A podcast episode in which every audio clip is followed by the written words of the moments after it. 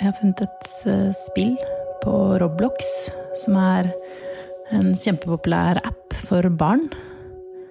Og det heter Utøya 22nd July Cleaning After the Bomb. Det er en figur, det er, Brei, det er Breivik,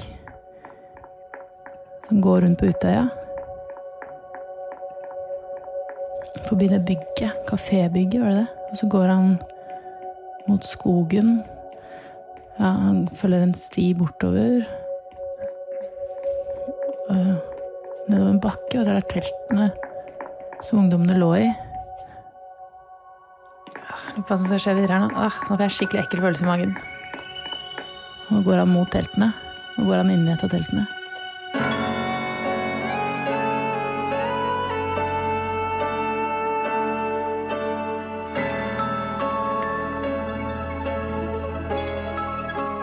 Jeg heter Mari Lund Viktorsen, og du hører på Noen å hate, en dokumentarserie fra Aftenposten. Ti år etter 22. juli skal jeg ta deg med inn i en internettkultur som hyller Anders Behring Breivik, og som radikaliserte Philip Manshaus.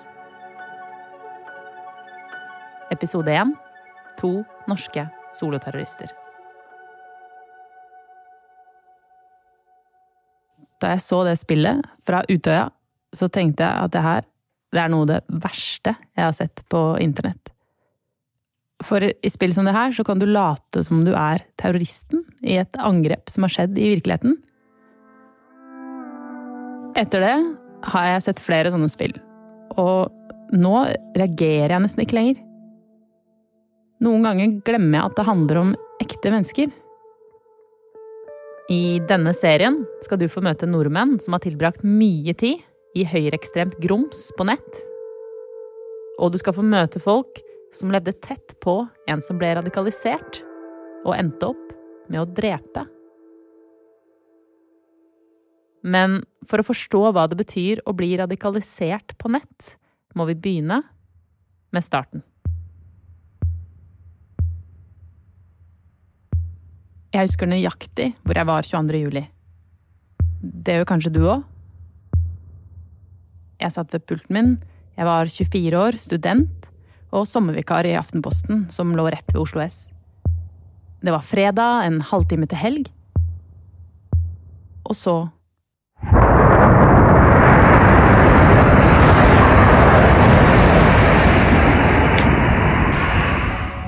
Jeg løper bort til vinduet. Lufta er grå. Av støv.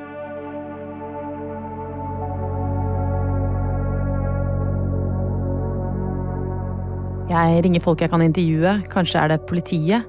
Jeg husker ikke. Jeg husker bare at jeg var så fersk at jeg håpa at ingen skulle ta telefonen. På PC-en min begynner det å dukke opp bilder fra regjeringskvartalet. På ett av dem sitter ei dame med blondt hår på asfalten. Og noe som ser ut som et spyd, stikker ut av hodet hennes. Hun skriker eller gråter. Eller kanskje begge deler?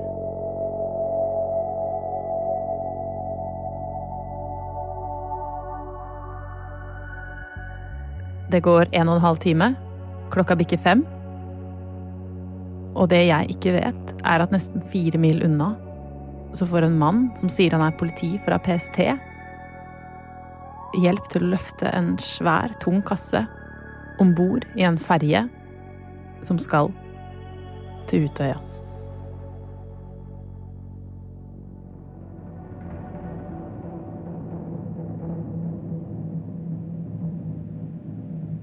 Denne fredagen løper jeg hjem etter jobb.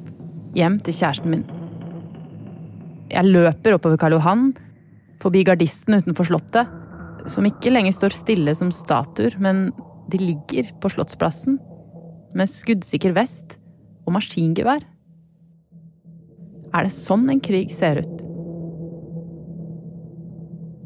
Jeg vet ikke hva jeg skal gjøre.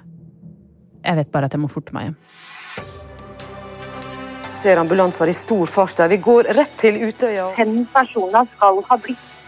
Ullevål sykehus etterlyser personer i østlandsområdet som har blodtype 0. Vi har telt helt eksakt. Det er over 30 som er drept langs vannkanten. Så peker det ikke lenger mot eh, Al Qaida. Da kan det like gjerne være en gal manns verk.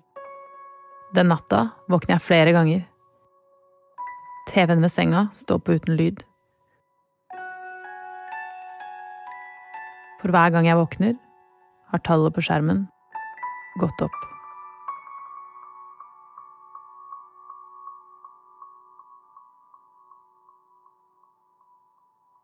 I dagene etter 22. juli så klemte vi og var snillere mot hverandre enn noen gang før. Du husker kanskje hvordan det var? At vi holdt hender i rosetoget, og at lufta var så full av kjærlighet og sorg at noen plutselig begynte å synge nasjonalsangen.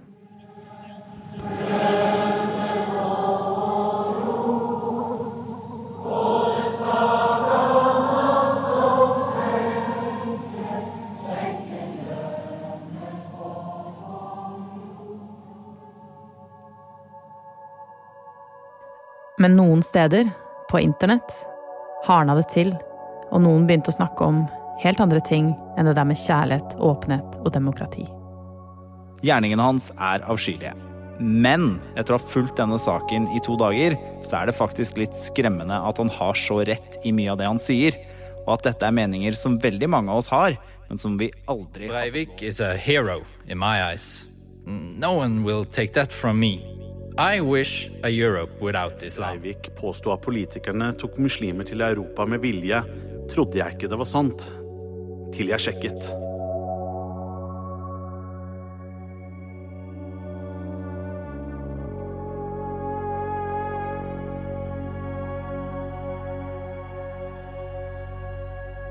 «22. juli var et skille innen høyreekstrem terror i Europa.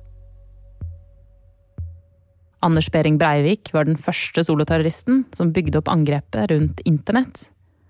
Han fant bombeoppskriftene på nett, han snakka med andre anti-islamister på nett, han la ut manifestet sitt der, med en pressepakke med bilder han ville skulle brukes. De neste ti åra lot flere unge menn, ja, for det er stort sett menn, seg inspirere av Breivik og ble radikalisert på nett. 22. juli 2011 ble starten på en høyreekstrem terrorstafett. Nedslaktinga av skolebarn i Newtown har latt seg inspirere av Anders Behring Breivik. This individual was not on the radar. Shortly before the attack, the gunman posted a manifesto online. He claimed to be defending the United States from, quote, cultural and ethnic replacement. Nå Oslo-politiet med pressekonferanse om skytingen i Bærum. Han er eh, sånn sett bosatt i nærmiljøet. Vi har kjennskap til han. Allerede i 2012, ett år etter 22. juli, starta en 20-åring dagen med å skyte mora si, før han drepte 20 barn og seks ansatte på en barneskole i USA, og tok sitt eget liv. Adam Lanza ville få et høyere drapstall enn en norsk massemorder han hadde lest om på nett.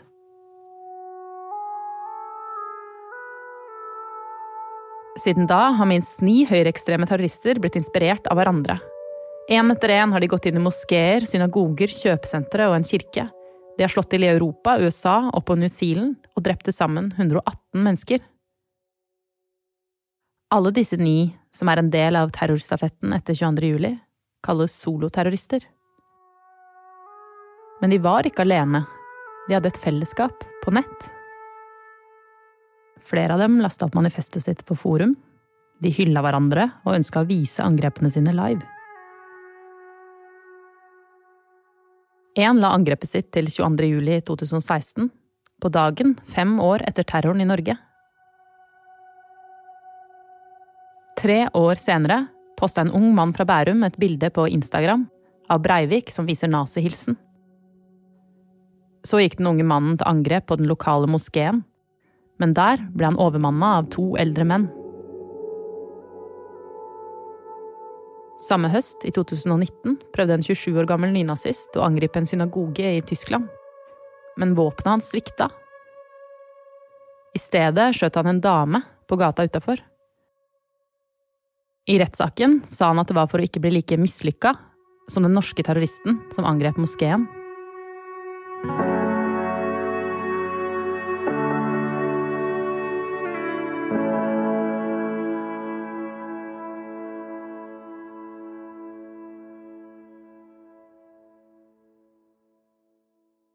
En av dem som gråt 22. juli 2011, var Philip Manshaus. Ja, vi var på båttur eh, og lå til kai i Kristiansand den 22. juli. Det fortalte stemora Ellen Ile Hansen i rettssaken. Og vi var i, eh, i kirken hvor det var tent lys og det var folk samlet seg. Og Philip fikk en kraftig reaksjon, og han gråt veldig. Eh, samtidig som dette er min tolkning, da, at veldig mye kom ut av Philip da, som han kanskje hadde båret inni seg av, av vonde ting. Jeg husker jeg sa at du må bare gråte. Det er bare godt å få ut ting, Philip. Åtte år etter at han gråt i kirka, skjøt Philip stesøstera Johanne tre ganger i hodet og én gang i brystet med en salongrifle mens hun lå i senga si. Så kjørte han til moskeen Al-Noor, hvor han planla å drepe så mange som mulig under feiringen av id, og dele det live fra videokamera på hjelmen. Hva skjedde med Philip på de åtte åra? Hva var det som gjorde at enda en av oss ble terrorist?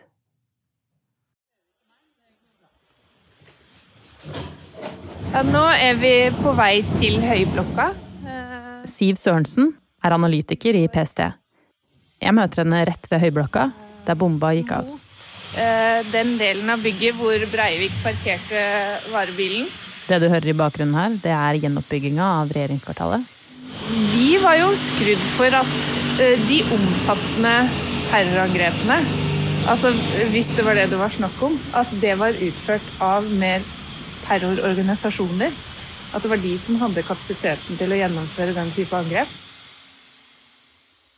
Det bråker så fælt at vi flytter oss inn i studio hos Aftenposten, rett over gata. Eh, vi kan jo ta de bildene dine først, da, på din blomstrete mobil med Siv tar frem mobilen og viser bilder fra innsida av den utbomba høyblokka. Det ser ut som et sånn krigsområde, eller et sånt en sånn ødemark med støv som svever i lufta, og det er bare grått og mørkt. Så blir hun stille. Jeg vet Vi var mange analytikere som på en måte Vi fikk et moralsk sjokk, vi også. Rett og slett. Og så føler Altså, vi var jo ikke skyld i angrepet, men du er jo Vi skulle jo forebygge akkurat sånne handlinger, da.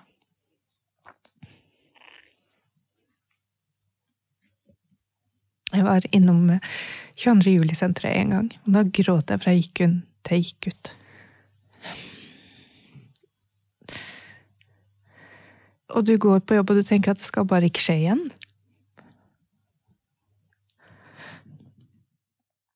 Åh, jeg må nesten ha briller, altså. Sio har tatt med seg noen illustrasjoner hun vil vise meg. Uh, the End of an Era of Multiculturalism ser du på det ene bildet som da illustrerer Breivik, som står med tohåndsvåpen og skyter løs på mennesker på bakken. Og dette er jo da barn, det er viktig å få fram det, at det er barn det skytes på. Fra alle verdensdeler og fra alle religioner og alle etnisiteter. Breivik er tre ganger så stor som de andre, og har en rød kappe på ryggen. Og, og framstillingen her er jo litt sånn religiøs, nesten, hvor han står i uniform og eh, litt sånn bibelsk, rett og slett. Sånne bilder deles på plattformer der flyktninger kalles rapefugees, og Black Lives Matter for Black Lives Platter. Hvor vanlig er sånne bilder på internett? Det er veldig vanlig. For mange som poster eller ser sånt, er det bare humor. Andre får lyst til å bruke vold, og noen få blir terrorister. Chatteforum og digitale medier er blitt en hovedarena der ekstreme personer og grupper utvikler og sprer voldelige ideer. PST mener at terrortrusselen fra høyreekstreme nå er like stor som terrortrusselen fra ekstreme islamister. Omfanget av radikalisering til høyreekstremisme vil øke i det kommende året. PST ser at flere har sittet hjemme på nettet under pandemien, og mener at flere tror på disse ideene nå enn før. Da Siv Sørensen begynte i PST for 15 år siden, var høyreekstreme enkle å få øye på. skinheads og Doc Martens og bomberjakker. Altså det, var, um, det var en ganske sånn synlig nynazistkultur. Men nå gjemmer de seg bak anonyme kontoer på nett. Men når du ser dem på gata, så, Så ser du det ikke. ikke. Gikk ut videre. Det er det som gjør det så krevende.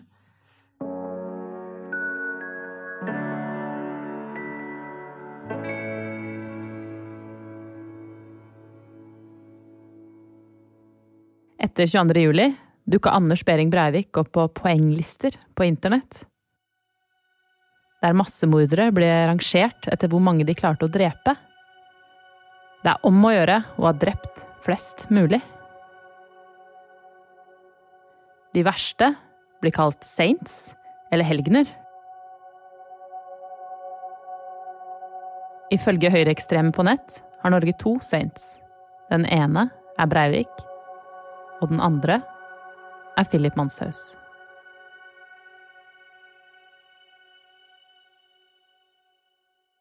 Philip vokste opp i et lavt, mørkebrunt hus i en rolig blindvei på Eiksmarka i Bærum.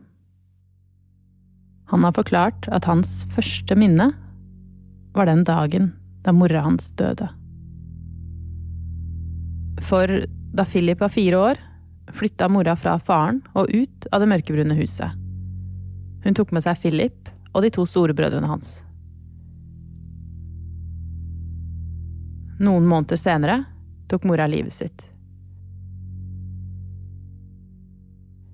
Det skjedde hjemme hos besteforeldrene, mens Philip og storebroren var i huset.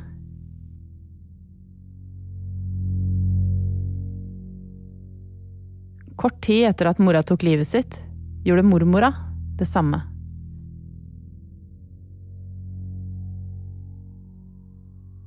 Så på tre måneder mista fire år gamle Philip begge to.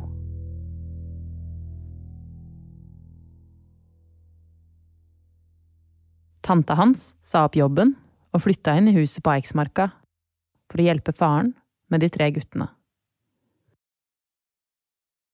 Mens storebrødrene var prega av samlivsbruddet og dødsfallene, opplevde tanta at Philip ikke forsto så mye av det som skjedde, og at det tok litt tid før han skjønte at mora var borte. Philip har alltid blitt fortalt at han slapp billig unna. Selv har han sagt at han ikke har hatt noen store traumer.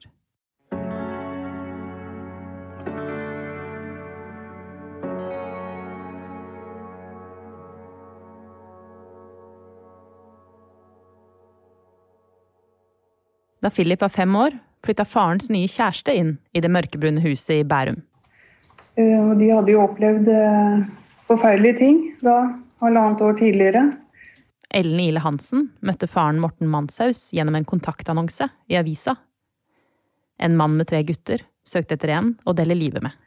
Og vi eh, bestemte oss da for at jeg flyttet inn når jeg da hentet Johanne. Med seg hadde Ellen dattera Johanne Shangia Ile Hansen, som var nesten ett år og akkurat adoptert fra Kina. Philip skulle begynne i første klasse da de ble en familie på seks. Far og stemor, Johanne, Philip og de to storebrødrene hans. Den ene skulle begynne i sjuende klasse, og den andre gikk på ungdomsskolen. Ellen opplevde at hun og datteren ble godt tatt imot av de tre brødrene. Og spesielt Philip ga uttrykk for at det var veldig fint at vi, at vi kom.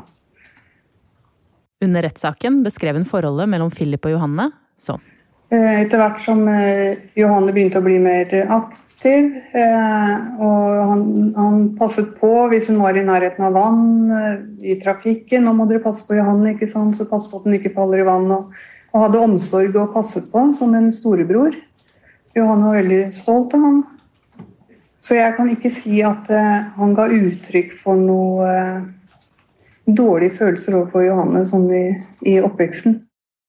Ganske raskt etter at hun og Johanne flytta inn i huset på Eiksmarka, begynte Philip og Johanne å sove i køyeseng på samme rom. Philip eh, var, han var nok plaget med en del mareritt. Og han uttrykte at det var, det var trygt å ha Johanne der, så vi, eh, vi eh, lot de bo på samme rom en god stund.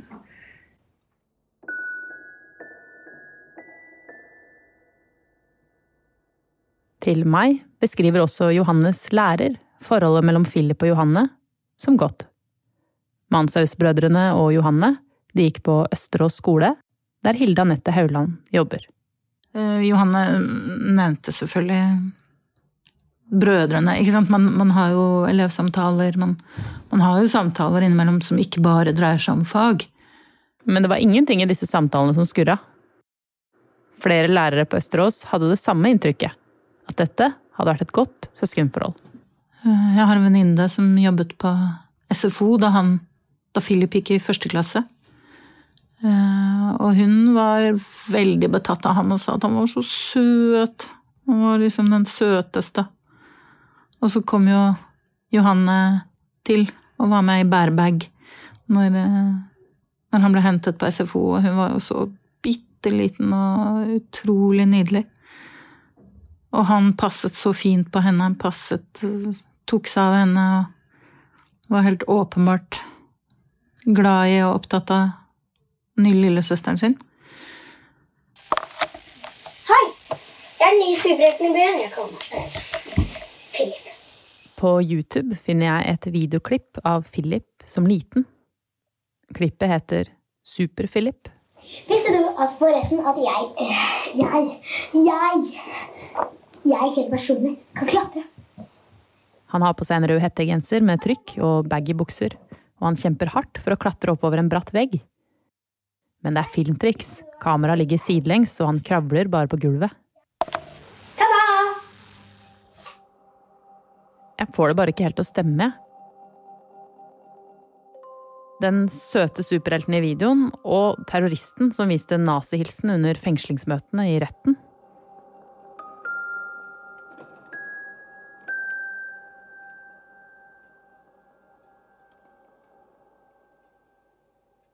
I barndommen hadde Philip kontakt med barne- og ungdomspsykiatrien i to perioder. Første gang alene da han var sju år, og så sammen med brødrene da han var elleve. Jeg har prøvd å finne ut hvorfor, men vet bare at det ikke ble satt i gang noen spesielle tiltak. Da Philip gikk på ungdomsskolen, spilte han data og brettspill sammen med kompisene. De kunne sitte i flere timer med spill som League of Legends og Minecraft. Philip var med i Speideren i mange år. Etter hvert ble han leder for de yngste speiderne. I retten sa faren Morten at han ikke opplevde sønnen som aggressiv i oppveksten. Stemmen du hører, er en skuespiller. Jeg vil si at han eh, stort sett har vært en hyggelig og omgjengelig og sosial gutt, som blir likt godt eh, av de fleste. Eller eh, alle, rett og slett. Men som 21-åring gjorde han altså det som fikk han dømt til lovens strengeste straff, 21 års forvaring, i Asker og Bærum tingrett. Aller først, eh, hva er ditt fulle og hele navn? Philip Manshaus. Ja, når er du født? 1997. 7. august. Og din adresse? Har du noen bostedsadresse, eller eh, skal jeg eh, protokollere fengselet hvor du Det kan du godt protokollere. Ja, og hvor befinner du deg nå?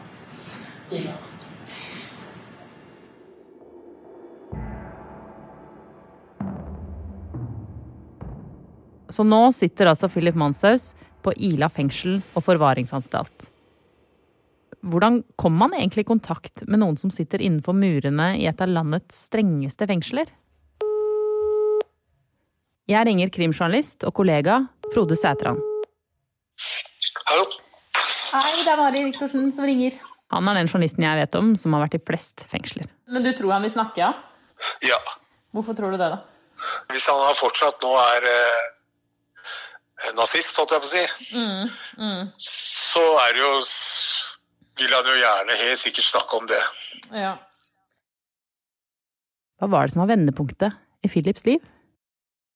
Hvordan fikk han seg til å skyte søstera si og planlegge å drepe så mange som mulig i moskeen? Jeg ringer Ila fengsel.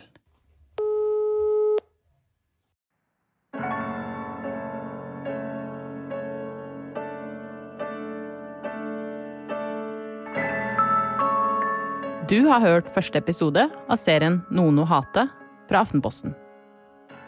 Jeg heter Mari Lund Viktorsen og har sammen med Trond Strøm stått for research. Produsent og klipp Peter Daatland. Reportasjeledelse Tonje Gedius og Karoline Fossland. Takk til manuskonsulent Kari Hesthamar og Svarttrost Produksjoner, som også har stått for musikk ved Geir Sundstøl. Lyddesign og miks ved Hans Kristen Hyrve. Redaktør for serien er Tone Tveøy Strøm Gundersen. Ansvarlig redaktør i Aftenposten, Trine Eilertsen. Takk også til Torbjørn Grønning, Sondre Moen Myhre og Øystein Tronsli Drabløs, som var stemmene på sitatene du hørte. Vi har spurt appen Roblox om de vil kommentere at Utøya-spill finnes på deres plattform. Roblox sier at de ikke tolererer rasisme, diskriminering eller innhold relatert til tragiske hendelser. De har 2600 moderatorer som gjennomgår hvert bilde, lydfil og video, og fjerner uønska innhold. De samarbeider med forskningsinstitutter og myndigheter verden over for å hindre ekstremisme på plattformen.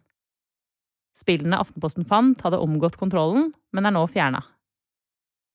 Du har hørt privatopptak fra Wenche Smeland og lyd fra rettssaken mot Philip Manshaus. Opptak av Ellen Ile Hansen fra rettssaken er gjengitt med hennes tillatelse. Øvrig arkivlyd er henta fra NRK, TV 2, Associated Press og NTB. Kildene vi har brukt i episoden, er Budstikka, artikkelen Anders Behring Breiviks Use of the Internet and Social Media av Jakob Ravndal, og dokumenter fra rettssaken og dommen mot Philip Manshaus. Er det noe du lurer på, eller har du tips? Send en e-post til lyddokumentar at aftenposten.no.